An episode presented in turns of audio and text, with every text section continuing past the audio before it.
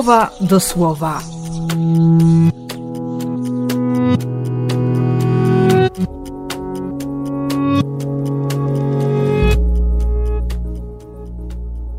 Dwudziesty dziewiąty marca, środa.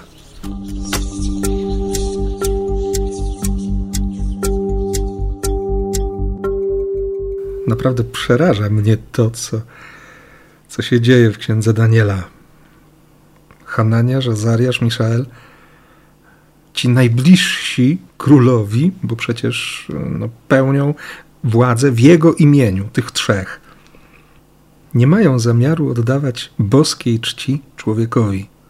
I trochę przewrotnie skojarzyłem to, dlaczego Nabuchodonozor kazał rozpalić piec siedem razy bardziej. Zdrada najbliższych boli o wiele bardziej niż, niż nieposłuszeństwo czy obojętność tych, którzy są daleko, z którymi się nie ma relacji. Jeśli za skórę zachodzą ci, których mamy obok, którym ufamy, z którymi potrafimy podzielić się tym, co dla nas ważne, emocje mogą sięgnąć zenitu. I reakcje mogą być nieobliczalne. Piec rozpalony siedem razy mocniej, ale tych trzech płonie taką miłością Boga, że, że każdy inny ogień nie może im nic zrobić, nie jest w stanie im zaszkodzić. I oni są tak rozpaleni miłością, że anioł przychodzi i, i razem z nimi uwielbia Boga. Nie? Razem sobie chodzą w ogniu. Może to serafin jakiś był, ten, który płonie miłością Ojca Niebieskiego. Chodzą w ogniu i śpiewają uwielbienie. Tak jakby chcieli zapalić cały świat pragnieniem wielbienia Boga. Aż się od razu przypomina to, co mówi Jezus, też z ogromnym żarem wewnętrznym. Ogień przyszedłem rzucić. Tak bardzo chcę, żeby już wszystko zapłonęło. A tutaj swego rodzaju rozczarowanie. Bo ci, którzy, którzy jakoś zapalili się już do wiary, zadeklarowali, że chcą być z Jezusem, oni wyznali wiarę nawet, usłyszą Jedynie przez trwanie w moim słowie możecie się stać moimi uczniami. Nie chodzi mi o wasze jednorazowe deklaracje.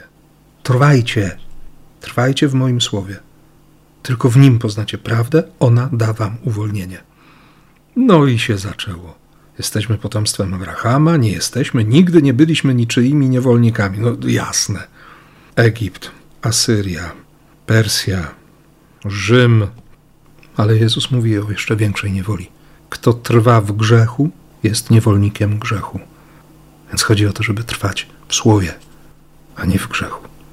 I od razu pada riposta. No, to no Abraham jest przecież naszym ojcem. Tylko, tylko czy widać, czy widać po moich czynach, kto jest moim ojcem? Albo co można powiedzieć o moim ojcu na podstawie moich czynów? No, zawstydziłem się znów. Ale dobrze.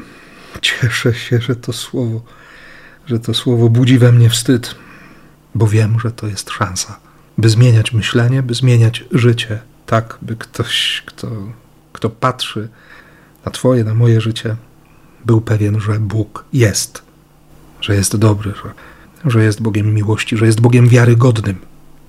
O to się dziś modlę dla Ciebie i dla mnie. I błogosławię w imię Ojca i Syna i Ducha Świętego. Amen.